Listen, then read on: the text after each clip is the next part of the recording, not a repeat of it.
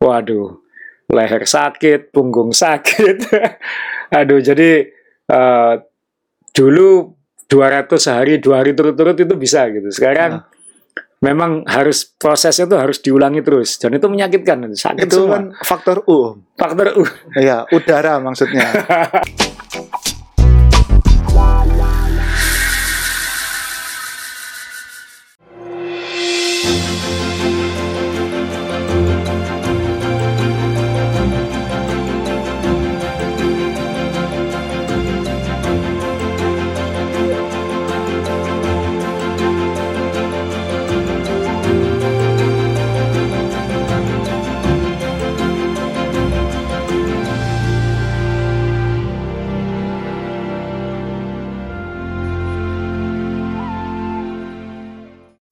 Teman-teman yang hobi sepeda, kita ketemu lagi, nggak terasa sudah episode ke-42.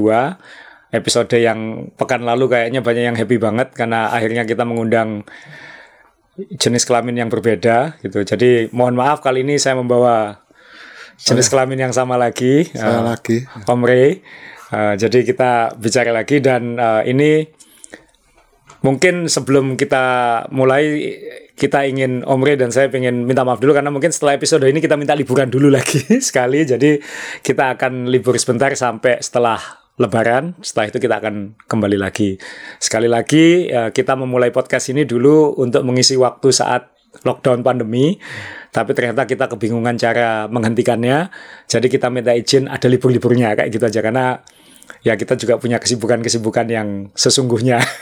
Jadi uh, terima kasih Om Re. Jadi kita episode 42 dan kali ini kita punya tema yang uh, kita harus berterima kasih kita disupport oleh Herbana di sini sekali lagi uh, dan memang temanya saya kira cukup relevan dengan uh, teman-teman yang makin serius bersepedanya mungkin yang baru goes produk pandemi mungkin baru nyadari kalau ini bukan hobi yang gampang ya Om Re. Iya. Ini hobi yang ya apa ya perlu konsistensi yang sangat sangat tinggi. Iya dan sangat menyakitkan gitu. Ya. Bisa bisa sangat menyakitkan. Jadi yang menyakitkan itu misalnya ya uh, produk uh, cyclist produk pandemi ini biasanya kan lebih muda-muda. Iya.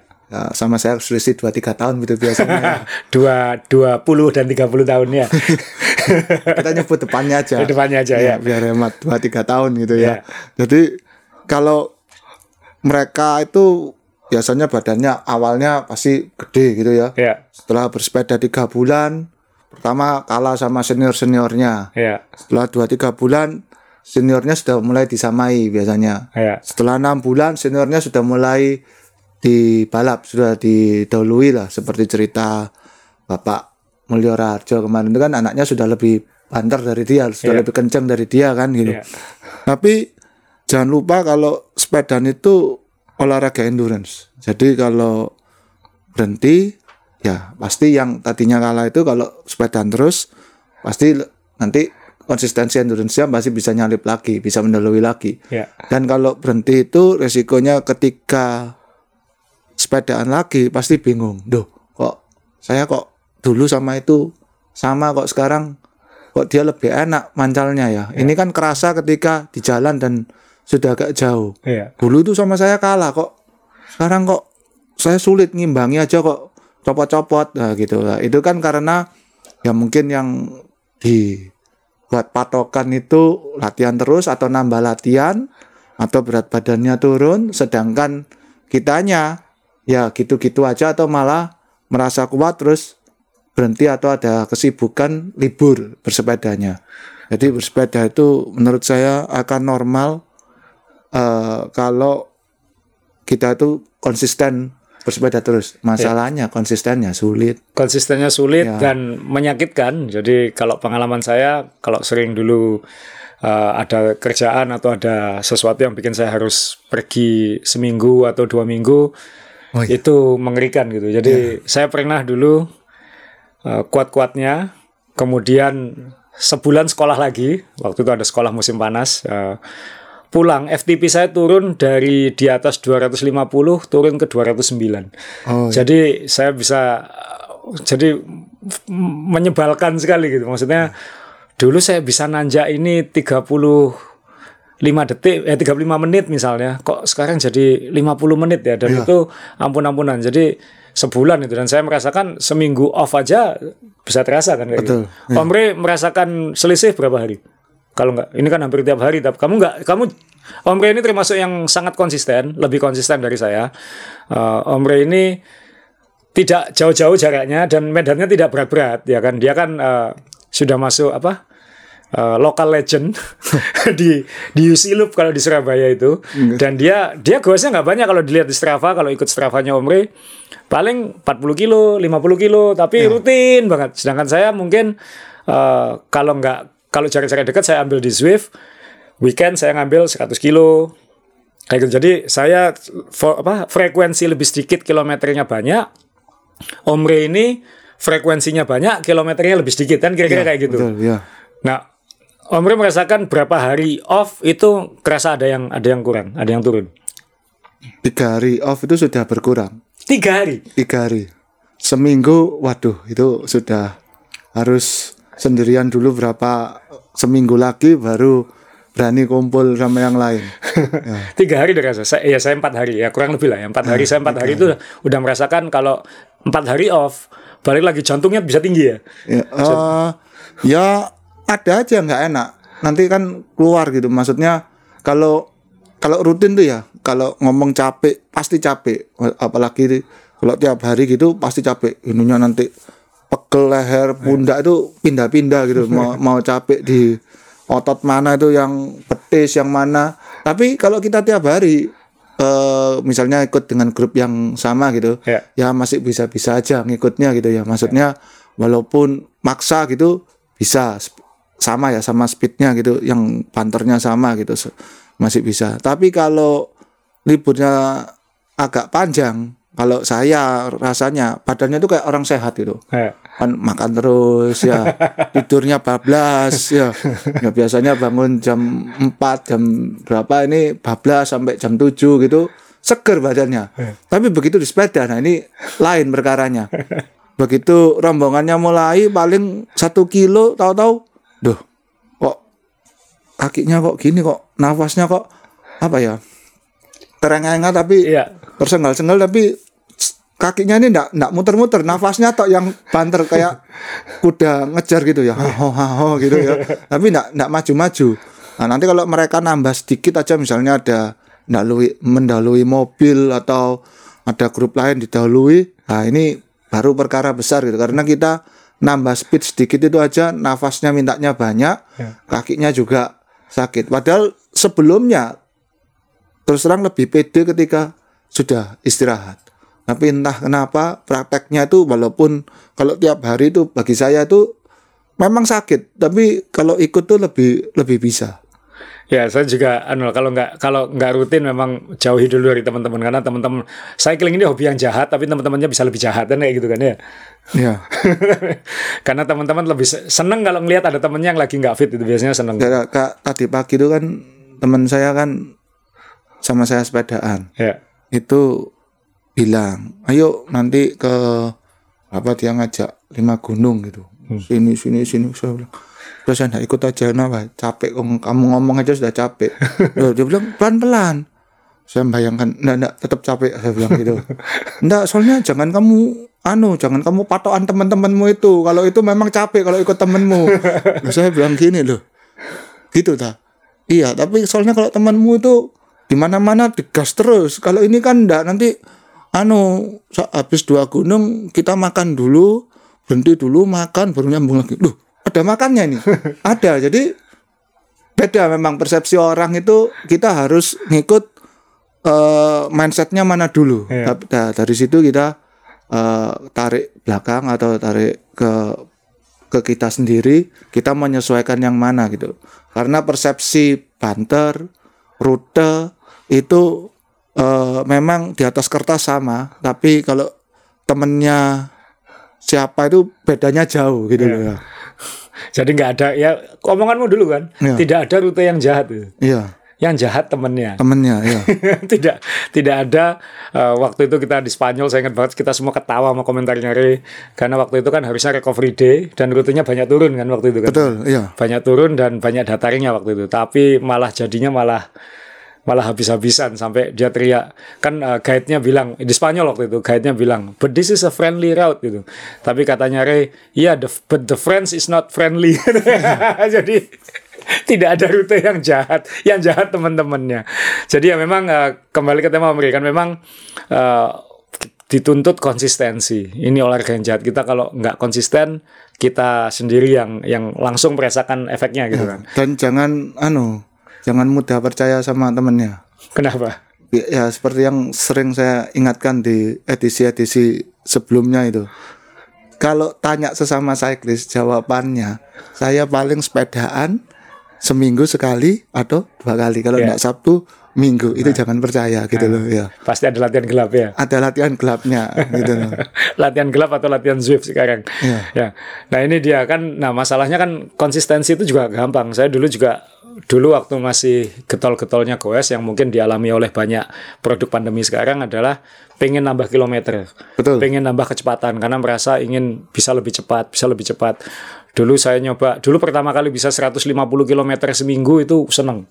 Hmm, ya. Uh, kemudian bisa 250, wah senang, oh bisa gitu itu seminggu seminggu konon bisa 300 hingga pada akhirnya sampai 500 per minggu Dan per minggu per minggu dulu sempat eh, periode setahun dua tahun itu eh, minimal 400 sampai 500 per minggu. Per minggu. Dan itu eh, mungkin usia juga ya waktu itu mungkin masih eh, masih masih mampu lah. Maksudnya eh, dengan makan juga nggak diet kan? Ya jangan diet kan? Maksudnya Ya. makan terus tapi eh, kilometernya tambahin dan performa memang naik. Tapi begitu dikurangi volumenya langsung eh, terasa untuk mempertahankan performa itu sangat berat bagi kepala saya untuk kembali ke harus bisa 500 kil- kilometer Per minggu. per minggu. Dan itu memang buat pemula mungkin 500 400 kilo seminggu itu mungkin wih berapa lama? Tapi kalau buat yang sudah pengalaman kan sebenarnya nggak nggak terlalu ya maaf level level kita lah maksudnya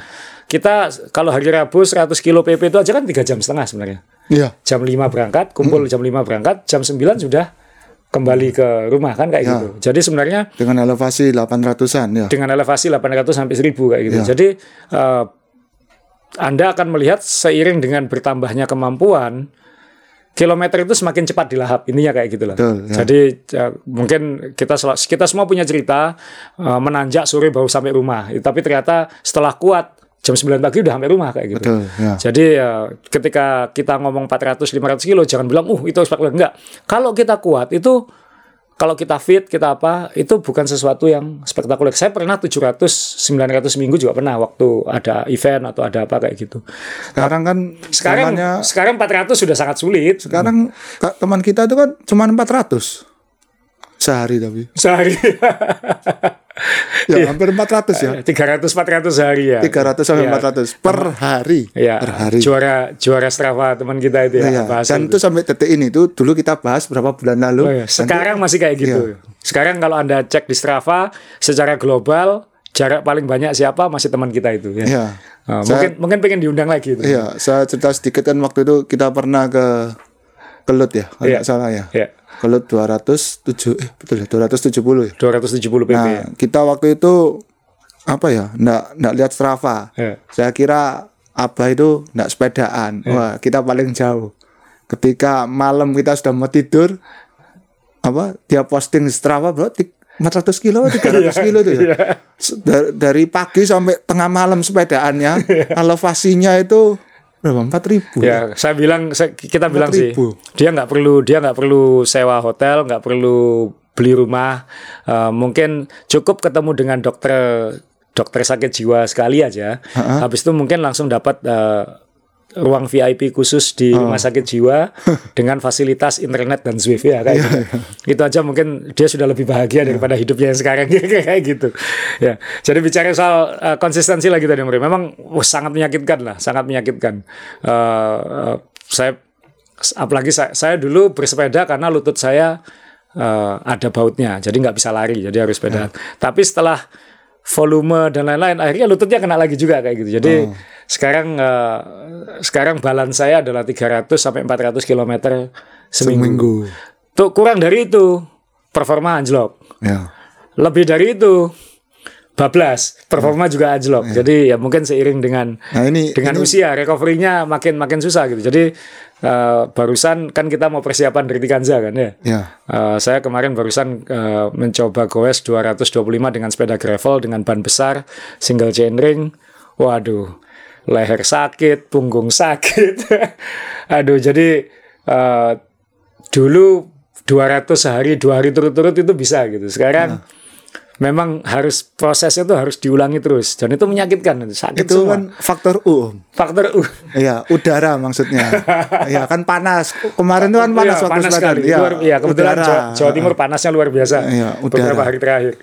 Tapi ya memang ya dan kita kan saya nggak tahu Omri nanti Omri bisa melakukan pembelaan terserah. Saya dulu nggak nggak pengen minum obat aneh-aneh gitu. Maksudnya Oh. kan saya sering dengar cerita teman-teman katanya ya ada yang pembalap-pembalap juga sih katanya dulu suka minum obat flu, Oh, suka iya. minum obat apa eh, obat intinya obat-obat sakit kepala yang over Ah, the counter penahan, penahan sakit kadang-kadang. penahan sakit lah ini obat-obat yang beli di di toko-toko nggak harus di apotek kayak gitu itu katanya untuk anu tapi saya pikir kan ya saya kalau memasukkan Mestinya ada di ruangan ini, Om. nggak ada ah, sakit kepala orangnya. kerjaan Orangnya maksudnya. oh orangnya Iya, orangnya. Eh, harus kita undang mungkin ya tapi ya kita eh, ada apa namanya obat eh, obat-obat gitu katanya entah itu malam sebelumnya atau sudah tapi kan itu kan kayak abuse obat ya Iya. kayak gitu terus saya juga baca-baca bahwa kan di pro peloton pun juga diperdebatkan karena uh, hingga kira-kira lima tahun yang lalu itu banyak penyalahgunaan obat penahan sakit juga yang yang memang tidak masuk kategori Doping. uh, doping kayak gitu Uh, tapi kan uh, katanya kan efek sampingnya kan ngantuk kayak gitu-gitu dan itu bisa membuat jatuh karena hilang konsentrasi atau apa Oh. jadi kan apa pun kan uh, ya kita sepedaan kan bukan untuk ya saya harus mengingatkan diri sendiri dulu memang ya kejar-kejar kom segala macam ya, tapi eh, sekarang mungkin lebih rasional aja lah gitu mungkin nggak nggak kayak itu saya paling minum susu whey Ya. untuk supaya nggak jarum-jarum dan lain-lain ya kurang lebih kayak gitu bukan ada teman-teman Om Rey apa Saya. Hah. Saya tuh kalau W itu kalau kepaksa. Karena saya kalau nggak minum whey sakit itu kalau Protein. saya paling kalau eh goesnya parah ya itu terus jarum baru saya minum paling sebulan belum tentu empat kali belum. Oh, kalau weekend weekend itu ya biasanya Ya, sabtu itu, sabtu itu itu pun kalau kerasa, kalau kerasa banget. Karena eh, kalau itu kan banyak proteinnya ya. Iya. Saya jadi kayak anak SMA gitu, jadi Jerawatan. banyak jerawatan gitu. Saya pakai yang vegan, yang vegetarian vegan. Jadi agak agak agak menolong. Dulu juga sempat eh, jerawatan lagi gitu. Tapi kan harusnya senang jadi puber lagi kan. Nah, Enggak, tapi ya itu dengar sih cerita-cerita pembalap-pembalap itu minum-minum obat kayak gitu. Bilang, aduh, eh, ya kita kan penghobi kan, bukan bukan pekerjaan. Dan atlet itu kan enaknya gini, atlet itu kan dia latihan keras pagi misalnya, dia siangnya tidur dan harus itu katanya. dan harus tidur ya. Kemudian sorenya bisa latihan lagi misalnya kayak gitu. Lalu malamnya tidur lagi karena Ya. ya memang itu hidup kerjaannya. kerjaannya lah. Kita hari Rabu misalnya biasanya dulu kan jam 9 selesai goes, kantor kerja sampai sore. Malamnya mungkin juga nggak bisa langsung istirahat total meskipun kita berusaha tidur lebih cepat kayak gitu. Ya. Heeh. Besok paginya bangun pagi-pagi lagi kan nggak sama dengan atlet. Nggak, aku nggak tahu kamu malamnya ngapain. Cuman kalau saya sih yang jelas Main eh, PS saya, main PS. main PS. Oh iya dia dia suka main game. Jadi kalau dia mungkin salah satu orang Indonesia pertama yang beli PS5 kemarin. yang lain yang lain belum punya, Omri sudah punya PS5. Eh, dia anak game. Eh, jadi ya ngatasinya kayak gimana gitu. Terus ya ini ya kita ya mohon maaf saya masukkan sekarang eh, memang ada teman-teman kita dari Herbana. Eh, beberapa episode lalu kita bicara dengan Pak Mulyo Raharjo ya. Eh, Pak- beliau CEO Deltomed eh, eh, yang biasa eh, mensupport event-event sepeda termasuk mensupport event yang kami selenggarakan seperti Bromocom itu kan sponsor utamanya eh, selalu dari eh, perusahaan beliau. Eh, dan Herbana ini eh, foundernya adalah uh, Jazz nanti saya perkenalkan di akhir di akhir episode Uh, dan ini adalah produk-produk natural yang yang bisa uh, menolong uh, cyclist kayak gitu. Jadi uh, salah satunya ya cara natural untuk melawan uh, linu-linu itu segala macam. Karena di Amerika sendiri juga banyak sekarang yang yang mencoba jual natural, bahkan menggunakan kan kalau di Amerika sekarang penggunaan maaf kayak marijuana kan mulai dilegalkan kan di beberapa Ya. negara bagian. Tapi uh, definisinya marijuana itu di, dibedakan lagi. Jadi yang uh, haluso apa halusigen apa yang bikin halusinasi dan lain-lain itu udah dihilangkan. Oh, jadi memang ada fungsi medisnya kayak gitu. Tapi itu kan di sana. Kalau di sini kan nggak mungkin kayak gitu. Ya, ya. jadi tapi Indonesia ini kan kayak tradisi. Jadi uh, kayak tradisi jamu-jamuan herbal Ya. dan lain-lain. Jadi ya herbana ini termasuk Om Ri mungkin bisa tunjukin itu ada yang muscle is itu yang saya pakai sih belakangan. Muscle is. muscle is jangan itu yang untuk perempuan. Kamu pakai yang itu? Oh ya, ini bukan ini untuk menstrual. ya. Ya itu. Dipegang aja. Ya. Jadi ini yang untuk muscle is eh, saya coba pakai itu agak menolong. Eh, khususnya kalau saat rutenya ampun-ampunan eh, ini ini bisa sebelum tidur biasanya Ini saya setelahnya. Uh, rekomendasinya macam-macam jika saya baca sih sebelum tidur atau uh, sesuai kebutuhan Nggak, tapi setelah capek itu kan is itu di di ya kayak uh, meredakan pegalinu kayak gitu-gitu ya setelah sepedaannya. setelah Berarti- sepedaan ya setelah bukan sepedaannya. sebelumnya ya Bukan sebetulnya. jadi ya lumayan dan ini uh, natural dan karena keluarga yang yang dibalik produk ini adalah keluarga yang sangat suka olahraga dan lain-lain. Jadi uh, uh, lebih tenang kan itu kan? Iya. lebih tenang buat kita. Jadi itu masalah itu yang yang uh, saya coba belakangan. Dan ternyata teman-teman setelah karena Herbana kan sponsor Bromocom sebelum pandemi. Oh, sebelum pandemi kan Bromocom ya, ya, kali? event besar terakhir kan Bromocom sebelum pandemi itu. Dan itu sponsor utamanya ada Herbana. Dan waktu itu ada samplingnya dan lain-lain. Banyak teman-teman juga mencoba. Ternyata ada beberapa teman saya yang loh aku pakai itu soalnya ya saya dulu juga nyoba tapi nggak nggak rutin tapi belakangan faktor U kali ya jadi mungkin udara. udara Sekali lagi udara, ya. Udara. Ya. ya jadi itu bagi yang eh, pegal-pegal atau apa mungkin bisa membantu dengan cara yang yang alami gitu. Problem berikutnya Om Rey, sulit tidur. Uh, ini sulit tidur ini eh, Duh, sa- banyak om kalau yang sulit tidur ini. ya sulit tidur karena sepedaan lah kita fokus gitu ya. Oh, iya, iya, iya. Ah, kalau akhir bulan jatuh tempo juga sering sulit tidur ya. Ya, ma- macam-macam sulit tidur ini. Macam-macam sulit tidur. Lampunya belum dimatikan juga sulit tidur. Jadi uh, sekali lagi kita bukan atlet. Uh, atlet itu kan bisa tidur 9 jam, 10 jam sehari. Uh, teman saya yang uh, aktif bersama atlet-atlet profesional kelas dunia itu bilang pembalap kelas dunia itu orang paling malas di dunia katanya. Loh kok bisa ya? Mereka kalau nggak gerak nggak akan gerak gitu. Oh, Jadi jalan sepelan mungkin. Jadi kalau nggak lagi event sepedaan, balapan atau latihan, dia akan sangat menghemat pemakaian badannya oh sampai gitu. sampai segitunya. Jadi dia naik tangga aja pelan-pelan. Oh, Kemudian disimpan, disimpan disimpan. ya. Jadi eh, makanya saya- dia sampai bilang bahwa pembalap kelas dunia itu orang paling malas di dunia. Paling malas dalam artian kalau kita lihat gila ini kalau di atas sepeda kencengnya Wah, kayak iya. gitu. ya. Iya, Apa, oh, kayak agresif kayak gitu. Tapi ketika nggak di sepeda, dia tuh kalem, diam, tenang, hemat banget gitu. Maksudnya ya. ya ya memang kayak gitu karena dia untuk menjaga badannya harus harus seperti itu gitu. Nah, tapi kalau buat kayak kita-kita kan sulit tidurnya kan kalau saya kalau mau event kebetulan kan saya menyelenggarakan banyak event. Kalau ada event sepeda saya biasanya justru paling kurang istirahat karena kan Ya. persiapan sebelumnya, meeting sebelumnya. Jadi kualitas saya ini orang yang gampang tidur, Om Ri. Saya sangat gampang tidur. Saya saya misalnya berbaring gitu, langsung tidur eh, nap siang hari satu jam gitu saya sangat gampang. Tapi kalau waktu ada event atau ada kegiatan besar atau ada ada sesuatu yang harus saya pikirkan itu pasti sulit tidur bukan karena eh, karena ada banyak hal yang harus saya tuntaskan sebelum tidur dan itu bikin kualitas tidurnya kan kadang-kadang maksa. Nah, tapi ada juga yang mungkin kayak Om Rey mungkin mau event nggak bisa tidur karena waduh kalau besok gimana ya nanti besok kalau ditinggal gimana ya gitu. ya kan kalau ada juga yang kayak gitu Iya. ya excited terlalu excited sama event besok. biasanya kalau hubungannya dengan ya ini sepedaan ya, Ya. Ya, itu yang nggak bisa tidur dua. Hmm. Ya nervous karena suatu sepedaan yang jauh atau event ya atau setelahnya karena terlalu capek. Ini Ya. yang ini yang saya tahu. Kalau kalau yang sebelumnya ini biasanya bangun itu sulit, nunggu alarm bunyi berapa kali baru bangun.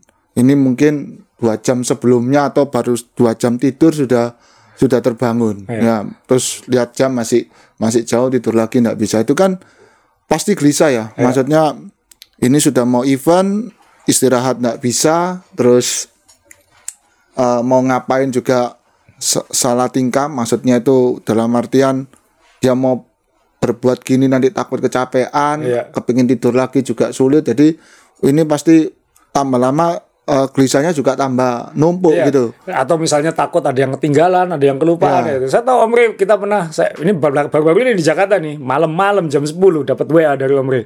Bawa helm berapa? Helmnya ketinggalan. Ya waktu itu ketinggalan di mobil. Jadi saya bilang saya bawa satu helm itu. Untung ada teman lain di sana yang bisa menggojekkan helmnya ke Om Ri. Ya, kayak- kayak- itu jam 10 malam, eh besok jam 4 pagi kita ketemuan ya gitu. Iya loh kan itu waktu itu baru datang sepedanya jam 9 lebih. Saya mesti ngerakit sepeda. Terus jam saya cek gini, loh kok helmnya enggak ada. Padahal habis dipakai kan waktu itu. Terus di mana helmnya? Terus akhirnya ya itu saya minta tolong. Sudah tidur belum? belum. Terus akhirnya gojekin itu. Gojekin helm. Dan itu kalau mau event sering sekali, apalagi kalau jadi panitia kayak saya gitu kan sering. Ya. Sul bisa pinjem anu nggak? Bidon nggak?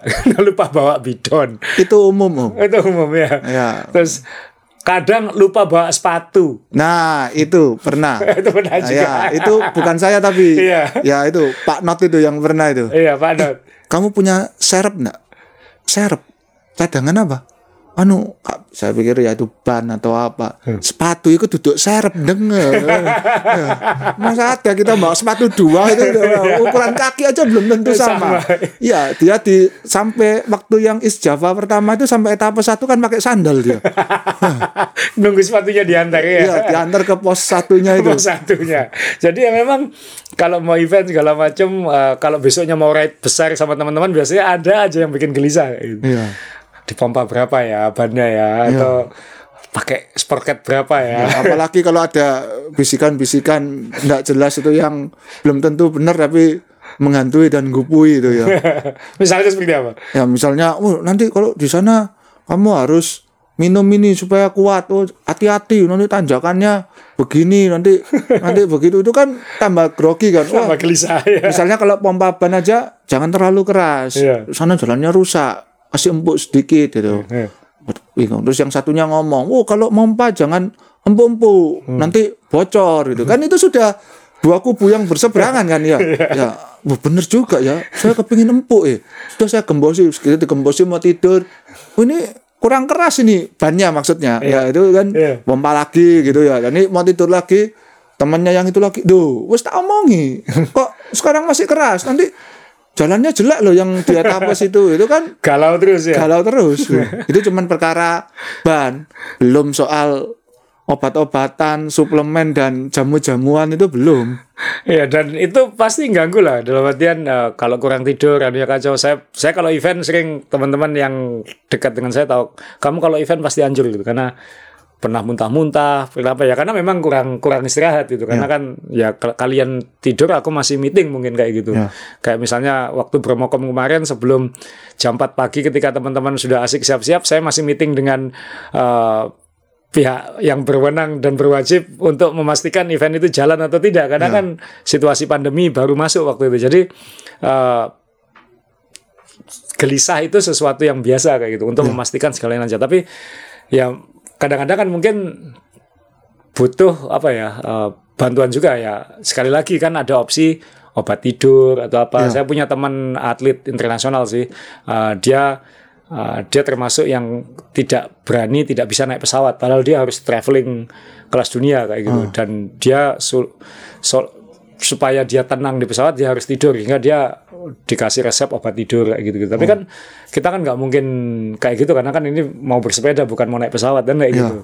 Uh, saya juga termasuk yang di pesawat uh, mending tidur kayak gitu. Tapi nah ini ternyata uh, Herbana juga ada solusinya lagi nih Om jadi uh, namanya Good Night. Nah, namanya keren Good Night. Mana Good Night? Nah ini Good Night. Jadi ini cara alami natural untuk membantu kualitas tidur kayak gitu. Jadi dan ternyata uh, salah satu yang pakai ternyata kalau nggak salah Ocha desainernya Subjersey. Iya. Ya dia nggak tahu mungkin dikejar-kejar Omset. omset sama desain mungkin jadi dia dia gelisah kalau malam jadi ternyata dan dia ternyata aku pakai Herbana kok dia bilang kayak gitu oh ya ya saya saya akan uh, uh, mungkin nanti ketika nanti kita pas ke kan Om Ray dan saya akan ikut kritikan saya itu itu kan banyak gelisah itu nanti. Iya. jadi mungkin nanti pas di pesawat mungkin saya akan coba uh, saya baru nyoba uh, untuk istirahat total uh, mungkin ini menarik solusinya buat teman-teman. Good night namanya. Namanya good night namanya menyenangkan. Good night. Kalau itu kan muscle ease apa ma, ma, ma- melegak apa ya melemaskan otot ya. Iya, Mele- iya. melemaskan otot. Tapi ini maksudnya otot itu yang buat sepedaan. oh ya bukan otot yang lain ya oh, Herbana juga ada untuk yang lain gue tapi untuk konteks podcast ini mungkin enggak ya Enggak, enggak. enggak sama kita ada satu itu mungkin Om Ri bisa nunjukkan itu tadi Yang apa? ya sengaja ditaruh di depannya Om Ri tadi yang yang nah, yang itu Oh ini. Oh, tapi itu namanya Ini feminine feminine feminine health. hygiene Health. oh feminine health ya ya ini buat teman kita Jupe Om Oh. oh iya kan dia belakangan makin suka pakai pink-pink gitu kan ya Iya, iya. Eh, Kalau dikasih ini ya. tambah kuat. Enggak. siapa tahu lebih balance ya kayak gitu Lebih kan balance. kemarin kita ngomong testosteron dia estrogen jadi kan kita Iya, iya. mungkin itu cocok buat buat Ada lagi saya lihat tuh ada yang daun katuk itu tapi nggak mungkin kita minum itu. Wah, lu kata siapa gak mungkin diminum? Ya nggak mungkin lah. Kenapa? Oh gitu untuk apa lancar asi kok masa kita minum. Cara Asia. nah, nah kan daripada beli susu whey, Oh, memproduksi sendiri dari dalam. Enggak ya? rasanya nggak kayak gitu juga. itu juga. Ini di sini ada pembalap sombong nonton. Eh, nanti di akhir akan ada mulai sombong kan dia dia suka nunjukkan yang itu tuh yang katanya base layernya dibuka itu loh katanya. dia suka nunjukin itu. Dia bilang saya komenin waktu itu ya itu enak kalau ke mana-mana kan kita ke ke coffee shop cari cappuccino dan cafe latte kan dia tinggal bawa kopinya. Nah, ya ini nggak apa-apa yang ngomong kayak gitu nggak apa-apa lah podcast kok bebas. Jadi ya nanti ada pembalap sombong kita dengar komentarnya tentang ini apa. Tapi eh, dua masalah eh, besar yang saya temui dan saya alami eh, nyeri otot dan lain-lain sama tidur eh, teman-teman kita di Herbana ada ada solusinya. Nah ini ada satu lagi yang yang saya paling masalah Omri. Mm. Omri enggak karena Omri makannya gampang. Saya termasuk yang susah makan dan pu- punya keluhan pencernaan. Saya masalah eh, digestif ya untuk untuk eh, apa eh, asam lambung segala macam. Saya paling sulit makan di sepeda. Jadi mak jadi kalau ada event panjang segala macam makan saya pasti nggak saya juga. Oh, Saya nggak nggak bisa makan soto setik itu di sepeda nggak usah nggak bisa. Ya. Ya tapi kamu kan kalau ngunyah bar segala macam gampang di sepeda. Kayak ayam aja bisa kamu makan lah pasti di sepeda. Ada yang bawakan. Ya. ya kalau bar masih bisa. Ya. Saya kan kesulitan, saya makanan apa pun sulit di atas sepeda karena eh, saya termasuk yang ngunyahnya lama kayak gitu. Oh. Apa pun. Jadi eh, teman-teman nawarin kurma segala macam saya saya coba eh, dan apa eh, saya memang bukan tipe yang gampang makan di di sepeda. Eh, dan itu kalau untuk event-event yang multi day atau atau jarak jauh itu saya sulit. Bahkan ketika pit stop berhenti teman-teman makan aja saya nggak bisa makan sebanyak yang kalian kan. Misalnya makan rawon gitu kan. Ya. Enaknya tanjakan di Jawa Timur ini di setiap tanjakan ada rawon Ya kurang lebih ya. kurang lebih ya. Iya. Jadi kalau teman-teman makan rawon tuh kayak gampang gitu. Padahal kan sudah kuah kayak gitu gitu. Betul ya. Saya sulit gitu. Eh, saya sulit eh, sulit nelan kayak gitu. Dan itu itu masalah saya dari dulu sebelum sepedaan juga kayak gitu. Nah ini kadang-kadang karena dan saya kalau makannya nggak teratur, wah langsung perut nggak karuan. Maksudnya eh, mual, asam lambung segala macam. Jadi saya termasuk yang yang sangat bermasalah soal eh, perut Eh, sampai eh, ditawarin probiotik segala macam itu nggak ada. Saya belum menemukan solusi yang yang yang ideal karena memang saya tahu solusinya adalah makan lebih Teratur. teratur. Dokter bilang makan makan jangan makan banyak tapi tiap dua jam kayak gitu. Ya. Nah, itu kan juga nah kita cyclist kan takut makan banyak. Ya. Iya. Benar. Jadi kalau tadi galau tidur ini galau galau soal makan kayak gitu. Nah ini dan saya juga nggak bisa semua gel atau semua produk-produk cycling yang kimia-kimia itu kan kayak gel-gel yang apa kayak itu saya nggak bisa nggak semuanya bisa elektrolit saya sulit kayak gitu perut saya langsung eh, tidak beres kalau minum elektrolit yang nggak nggak pas Nggak beresnya tuh gimana om kalau elektrolit? bisa kembung bisa eh, bisa sakit perut eh, tergantung macam-macam gitu Kalau saya tuh kalau nggak cocok biasanya perih. Ya, ya perih ya kan? perih terus akhirnya konsentrasinya itu dari muternya kaki jadi ke perut Ke perut. Yang yang yang perih tadi. Jadi rasanya antara kayak kelap gitu kan ada ada ada yang ngunci gitu kayak. Waduh saya nggak tahu ya ya macam-macam teman-teman ada yang eh, saya, saya sih malah kadang-kadang kalau sudah nggak pas itu oh bisa dua hari nggak ke toilet itu bisa nggak dua hari nggak buang air karena kayak ada yang ngunci di sistemnya itu. Itu yang eh, biasanya dibantu pakai probiotik segala macam. Saya tahu juga pembalap-pembalap World Tour itu kan juga kayak gitu jadi mereka probiotik itu diwajibin. Saya pernah ke kita, saya dan teman-teman pernah kita kan pernah ke markasnya tim-tim balap itu kan ya. Iya. kita ke tim Cannondale waktu itu. Saya sebelumnya pernah ke markasnya tim Sky di Belgia. Uh, uh, service course tim Sky itu ada di tim Sky Ineos sekarang itu ada di Belgia. Dan kita waktu itu diturkan uh, fasilitas-fasilitasnya. Dan salah satu yang uh, ditunjukkan itu yang kita lihat tuh uh, banyak probiotik ya gitu. Di di lemarinya itu banyak probiotik gitu. Oh berarti memang uh, urusan kan memang kalau perutnya sehat performanya juga akan akan sehat kayak gitu ya. Iya. Jadi saya harus uh, menemukan solusi-solusi. Ini uh, ditawari solusi lagi saya akan uh, mencoba lebih rutin juga. Ini siapa tahu bisa jadi solusi uh, ini di depan kita ini kunyit. Namanya kunyit. Ini relief sari kunyit. Ini untuk membantu pencernaan. Wah ini solusi menarik. Tem teman kita teman kita yang desainernya sub jersey Ocha ini juga minum ini. Dia malah yang bilang aku pakai ini pakai ini. Kamu lebih lengkap kayak gitu. Iya kamu tuh berarti banyak masalah dia desain baju itu ya bilang. Kayaknya kerjaan kamu kerjaanmu kayaknya susah kamu. Kayaknya desain desain perlu- 5am itu susah ya. perlu inspirasi om. biasanya nasi padang dulu. Cuman eh, ternyata eh, ternyata eh, menghasilkan jersey itu bikin sampai butuh suplemen tidur, butuh, butuh kunyit ya gitu. Jadi ya ini ini kunyit yang yang mungkin bisa eh, teman-teman yang punya masalah lambung, ada teman-teman dari Herbana juga punya solusi. Ini yang untuk digestif. Jadi tadi untuk otot ada, untuk membantu tidur ada, untuk perut ada. Jadi mungkin kita usul ada Herbana Cycling gitu.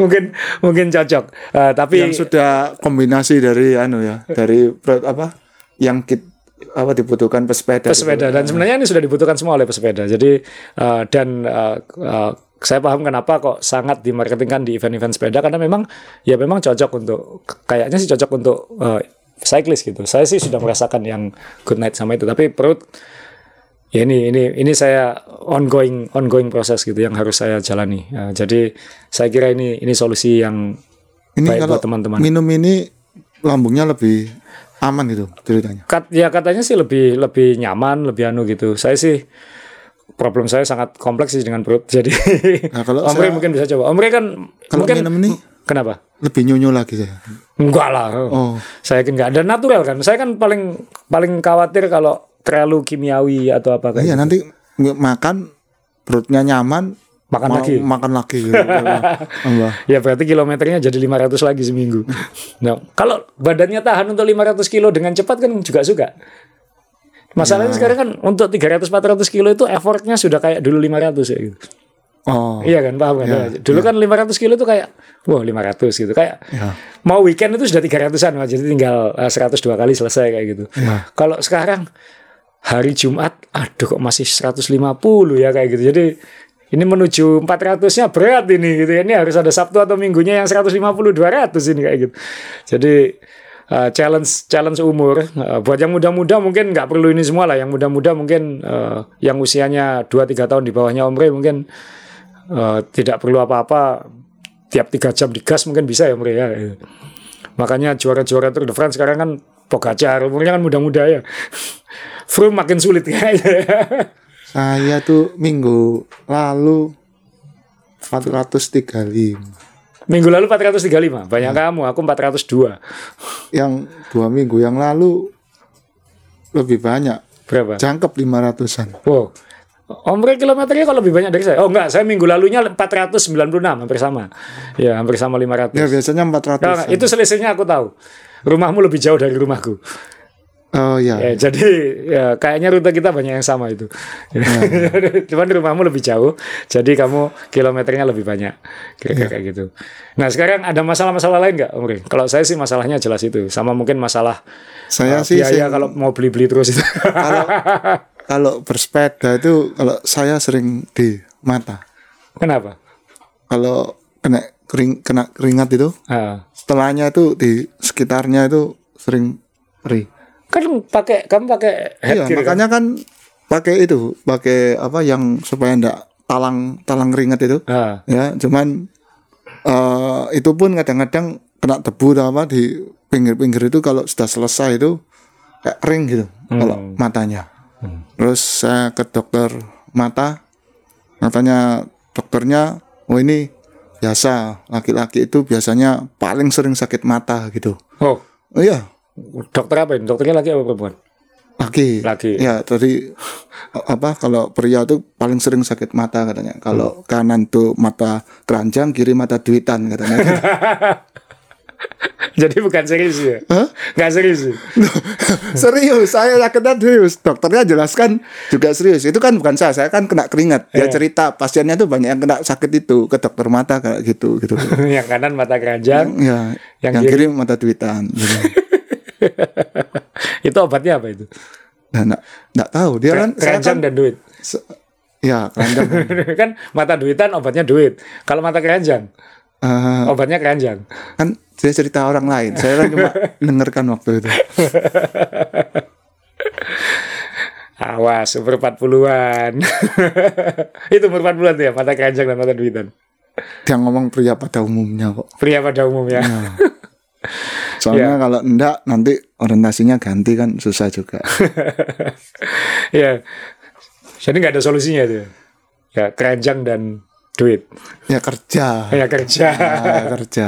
kerja supaya dapat duit dan bisa beli keranjang ya. Ya. Kurang lebih. ya. Aku bingung. itu dokternya yang ngomong kayak saya. Ya nanti balas ke dokter ya kayak gitu. Eh, ya ini ya ini sekali lagi ya sejumlah masalah yang mungkin akan kita alami eh, saat bersepeda. Mungkin yang muda-muda atau yang pandemi mungkin belum belum merasakan langsung atau belum paham itu apa kan kayak gitu kan ya. Belum paham itu apa. Nggak biasanya kan siklus orang tuh kalau eh, keadaan tubuh itu drop itu biasanya kan harus melewati beberapa masa peak dulu kan. Maksudnya wah lagi kuat-kuatnya pasti ketika masih semangat atau masih eh, ya masih baru-baru bersepeda itu mau ke mana aja itu fisiknya pasti kuat menter mau diginikan digitukan Ah, nanti biasanya setelah masa-masa peak itu nanti ditahan berapa lama akan ada di mana tahu-tahu salah satu anggota tubuh atau tubuhnya itu nanti ada yang ketarik kalau urat Ya. atau uh, kadang-kadang levernya SGPT SGOT-nya ndak ndak bagus gitu ya. itu pengalaman bukan Om ini punya pengalaman konyol. Dia itu hari kita goesnya hari apa? Minggu ya waktu itu ya? Minggu. kita hari minggu goes 300 kilo keliling Pulau Madura. Ini tahun 2016 17, 2017 ya. Dua- jadi 17, dulu 16. sebelum sebelum orang-orang itu goes goes bikin vlog goes keliling Madura kita yang pertama itu dulu. Itu Ya. eh, 300 Dan kilo yang- dalam waktu tidak sampai 12 jam waktu itu ya. Ya dan Cepat sekali. yang waktu itu keliling Maduranya eh setengah tarkam. Jadi jadi di etapa pertama tuh speednya 45. Padahal kan sebetulnya kalau dibagi secara 300 kilo ya kita nggak perlu se secepat itu secepat itu gitu. Jadi eh apa ya? Set, finish itu benar-benar peletonnya itu berceceran. Jadi yang depan tuh cuman berapa, yang yang di belakang tuh. Jadi kalau ketemu teman tuh pasti sama-sama ngeluhnya itu lirik-lirikan. itu saya bayangkan kalau kita ada videonya sekarang kita komentari itu paling lucu di antara semua. Sangat lucu karena waktu itu saya sama Jimbon itu Iya. sangat tole-tolean waktu itu kita ingat, "Woi, Korei, jalannya turun. Iya. Iya, Mbon. Wah, speednya kok cuma 30. Ya kita sudah nggak kuat ini. jalannya turun cuma bisa 30 gitu. Jadi sudah sudah asal asal muter aja. Dan itu ceritanya macam-macam karena memang eh, belum pengalaman jauh-jauh amat ya waktu itu ya. Ya. Macam pengalaman tapi hajar-hajaran seperti itu eh, belum pernah dan waktu itu ada teman kita dokter Terry yang pernah tampil di podcast juga yang ditakuti sama pendengar ternyata jauhkan dokter Terry dari podcast katanya karena dia suka eh, membuka Nakut-nakuti. dan membedah-bedah itu. Ya. Uh, dia ini ternyata selama perjalanan itu ditelepon emergency terus gitu sama rumah sakit ya. Katanya ada pasien, ada pasien penting gitu. Nyambung jari kalau nggak salah. Iya. Jadi operasi rumit itu itu microsurgery itu bukan bukan operasi apa geraji tulang sambung itu bukan ini microsurgery gitu nyambung jari kalau nggak salah. Jadi dia selesai 300 kilo itu langsung ke rumah sakit Iya. Dan nyambung. setelah goes 300 kilo. Ya untung dia dokter yang hebat dengan fisik yang prima gitu. Jadi jempolnya hidup katanya kayak gitu. Eh, dulu. Dulu. Sekarang kan rest. Sekarang lagi reaksi ya. Sama apa? Eh, dan besoknya, nah ini kembali ke Omri. Omri itu ternyata besoknya ada tes asuransi. ya, dari perusahaan itu waktu itu saya disuruh tes asuransi. Ya. Hasilnya ya ini ini asli pendengar ya. SGPT SGOT-nya itu 1000. waktu waktu itu pokok mendekati 900 sekian gitu. Ini ini asli gitu. Saya sendiri lihat itu sampai oh, dokternya tuh baca hasil tuh sampai kamu dari mana gitu. Saya kok bisa begini? Saya jelaskan dok ya. Saya begini nih karena sepedaan. Dia lihat saya gini kan modelnya kayak ini orang ini ngimpi ngelindur lah gimana ya. Nah, terus eh eh, sepedaan ke mana gitu? Eh, Madura. Oh, ma eh, kesan, anu sepedaan di sana. Enggak dok, keliling Madura. Dia tuh diem lihat gini. Dia mungkin mau apa ya mau komentar itu ya bingung gitu kan nggak mungkin ada orang sepedaan keliling Madura gitu ya nah terus untungnya tuh susternya yang nemen itu tahu. Duh pak apa yang di koran itu katanya gitu. duh tahu sus? Tahu yang duduk makan pisang itu doh ya? Iya. ya. Oh iya betul itu saya. Jadi susternya itu yang ceritakan ke dokternya. Iya dok bapak ini tuh yang sepedanya keliling Madura itu dok. "Heeh, ini saya lihat di koran betul loh dok gitu. Hah? Keliling Madura? Ya 300 kilo terus dia lihat hasilnya lagi lihat saya gini dia bilang ya ini tes lagi aja gitu tes tes lagi gitu Hmm. Jadi istirahat dulu. itu kan hasilnya keluar tuh kira-kira saya ke dokternya tuh jadi hasilnya itu memang langsung ya waktu itu tesnya hari Senin Ya. Tapi Goesnya hari Minggu, Ya. tesnya hari Senin. tesnya hari Senin tapi ke dokternya itu bukan hari itu kan hasilnya berapa hari Iya. Nah, terus dia bilang nanti Senin itu tes lagi. Jadi sudah seminggu setelahnya itu tes lagi tes lagi. Ya sudah normal. Sudah sudah sudah normal sebetulnya. Cuman kan ya eh, apa nggak diterima waktu itu karena karena hasilnya begitu fantastis ya, ya. ini mungkin sudah deketi sirosis tak gimana ya Loh iya kan nggak ada SGPT segitu kan gitu loh Jadi teman-teman, ingat ini hobi yang menyakitkan itu ya. Ini hobi yang menyakitkan, hobi yang mungkin badan kita nggak apa-apa, tapi Iya, ini ini terbukti. kita ya. itu, aduh, ini bukan ini bukan hobi yang gampang. Ini jangan jangan remehkan cyclist serius ya. gitu. Ya.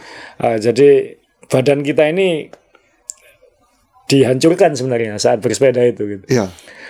Uh, hanya dengan latihan, dengan apa bisa memperkuat. Tapi pada dasarnya orang yang fit, yang kuat sepedaan 300 kilo pun besoknya juga tes kesehatannya pasti nggak beres. Jadi ya, Dan itu kan kita nggak mungkin mungkin di sepedaan-sepedaan kita yang lalu lebih parah dari itu. Tapi Iya. kan itu kan karena kebetulan saya harus ke lab Iya. setelah 300 kilo itu. Ya itu salahnya saya juga ngiyai. Hari itu saya juga nggak tahu gitu. Dan itu benar hasilnya 900 tuh itu betul gitu. jadi kita pikir, uh, kayak bahaya ini badannya ini kayak gini ya. Jadi lihat mukanya polos-polos. Jadi ya nggak nggak nggak mungkin di ACC. Mungkin di ACC. ini orang ini sedikit lagi mungkin. ya jadi uh, dan untuk apa? uh, untuk sekali lagi untuk uh, sekarang ini pandemi masih ya kan. Ya. Uh, mungkin saya juga nggak berani jaga makan seperti dulu. Ya. Uh, latihannya juga ketika mau latihan keras pun juga ada mikir-mikirnya juga karena eh, apa pun jangan sampai ngedrop badan kan kayak gitu kan ya. Sekali lagi kita masih belum keluar dari pandemi, kita masih masih harus anu lah, masih harus menjaga kondisi lebih baik juga. Eh, jadi ketika meningkatkan latihannya pun kita juga eh, lebih berpikir kan Om ya, lebih lebih mikirin supaya anu dan tadi diingatkan ya Om katanya ada satu lagi nih sebenarnya yang bisa membantu untuk memperkuat imun kita ini. Jadi jadi ada ini imu support.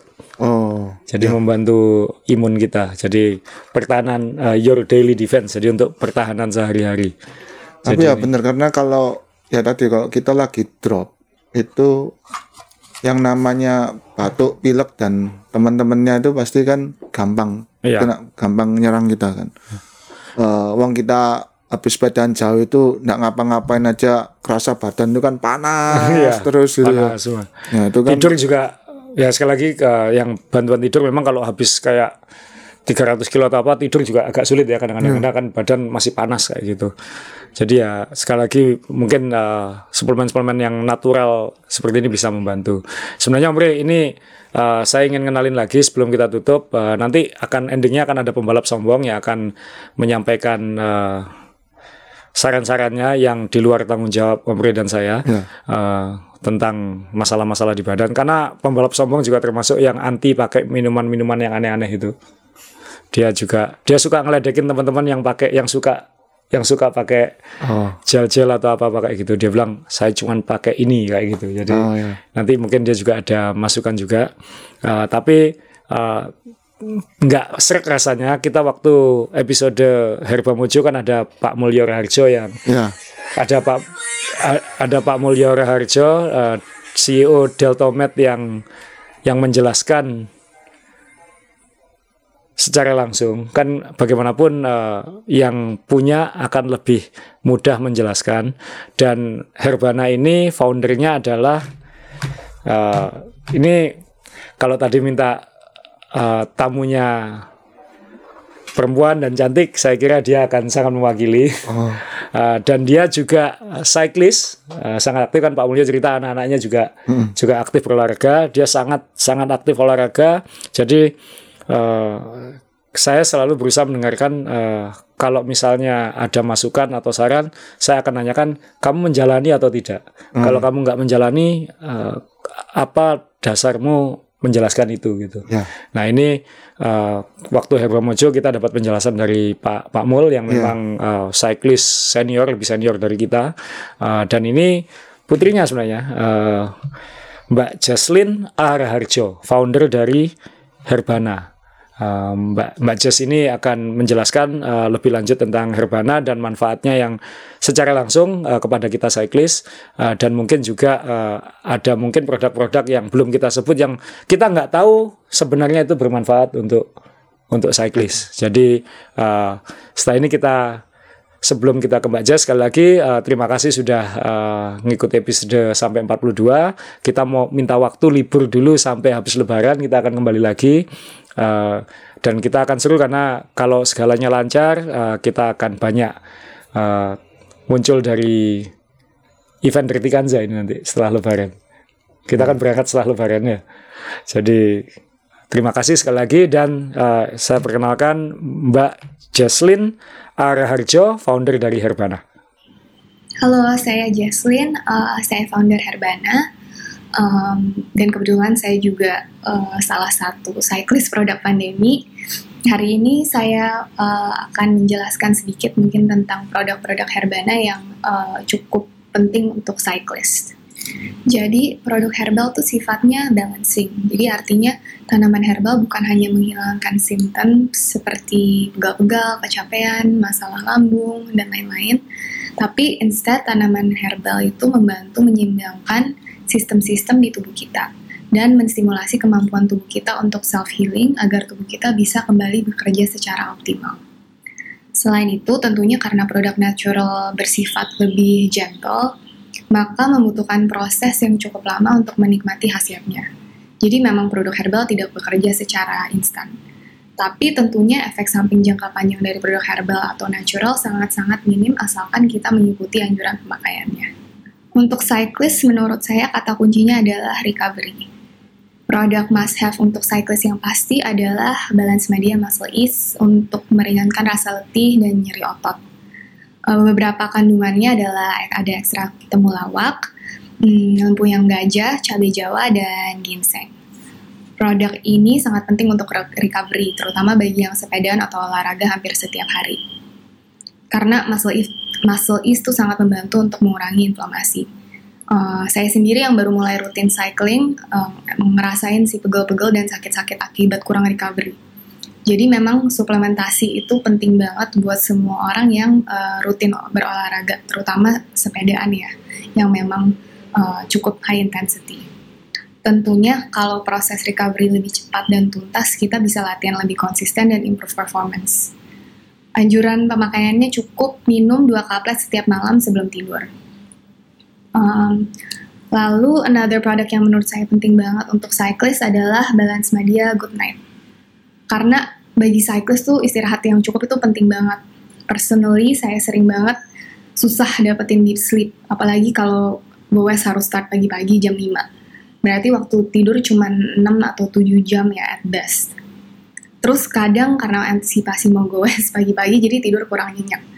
Nah, balance media good night ini dapat membantu meningkatkan kualitas tidur. Jadi bukannya bikin ngantuk atau tidur lama ya, tapi lebih ke improvement di deep sleep dan membantu tubuh kita untuk lebih rileks. Selain itu, karena produk ini kandungannya 100% alami, jadi nggak perlu khawatir ketergantungan atau uh, efek-efek samping yang lain. Cara pakainya cukup konsumsi 1-2 kaplet sebelum tidur, dan bisa juga digabung dengan muscle ease. Um, produk lain Herbana yang mungkin tidak sangka bisa berguna untuk cyclist, uh, mungkin produk yang ada kandungan kurkuminnya. Jadi kurkumin adalah salah satu key ingredient yang perlu di-highlight. Kurkumin adalah active compound yang bisa ditemukan di kunyit dan temulawak. Walaupun kunyit itu terkenalnya sebenarnya untuk masalah lambung dan temulawak itu terkenalnya untuk kesehatan liver, tapi sebenarnya kurkumin itu salah satu ingredient yang sering banget dikonsumsi oleh atlet-atlet pro. Kenapa? Karena kurkumin memiliki khasiat antiinflamasi dan antioksidan yang sangat kuat. Jadi, menurut research, uh, kurkumin tuh dapat mengurangi inflamasi sebanyak 20% within 24 hours setelah endurance ride. Dan juga bisa membantu melindungi sendi-sendi dan juga bersifat sebagai natural painkiller. Jadi daripada kita minumin um, painkiller, uh, sebaiknya konsumsi kurkumin. Selain itu, kalau kita olahraga, tubuh kita juga memproduksi uh, radikal bebas yang bisa merusak sel-sel tubuh kita. Apalagi kalau misalnya sepedanya sering di tempat yang berpolusi ya, itu lebih-lebih lagi. Maka itu kita membutuhkan antioksidan untuk menangkal radikal bebas. Nah, kurkumin itu sangat kaya akan antioksidan yang bisa membantu tubuh kita menangkal radikal bebas tersebut. Jadi definitely ekstrak kunyit atau temulawak sangat dianjurkan untuk dikonsumsi secara, secara rutin oleh cyclist. Uh, di Herbana kita ada yang namanya Relief Sari Line, uh, kita ada tersedia uh, dalam powder atau kapsul. Jadi itu tergantung uh, preference aja ya. Dan tentunya ada dua uh, varian tersebut, kunyit dan temulawak. Nah, saya bajak dulu ini podcastnya. Halo, dengan saya lagi pembalap sombong. Ini ngomongin obat-obatan kan. Saya itu paling nggak suka kalau temen saya sepedaan goes sama saya, terus balap-balapan gitu, dia itu suka ngeluarin obat-obat performa itu, gel-gel semua, diminum semua. Itu kan bahan kimia, nanti ngerusak tubuh. Habis gitu yang kita lawan ini obatnya bukan orangnya. Orangnya itu sih pelan obatnya itu yang kuat sekali. Lah itu saya paling anti obat-obat gitu. Karena apa? Karena kalau saya goes itu cuman air putih aja. Dia obatnya banyak. Ya capek musuh obatnya dia. Nah itu tidak saya sarankan. Merusak tubuh nah kalau saya sendiri sarankan itu kita fokus ke recovery-nya. Sehabis goes kita recovery. Nanti recovery-nya dengan suplemen yang natural. Ini contohnya dari Herbana. Nah, ini banyak untuk kunyit ini kan natural semua. Bagus ini untuk recovery kita sehingga besok itu tetap fit lagi. Gitu. Jadi ini obat-obatan ini sangat dibutuhkan. Ada obat untuk tidur nyenyak, semua ini kunyit, meniran gitu. Jangan pakai yang terlalu kimia-kimia, ini natural ya. Oke, dari saya gitu aja. Bye.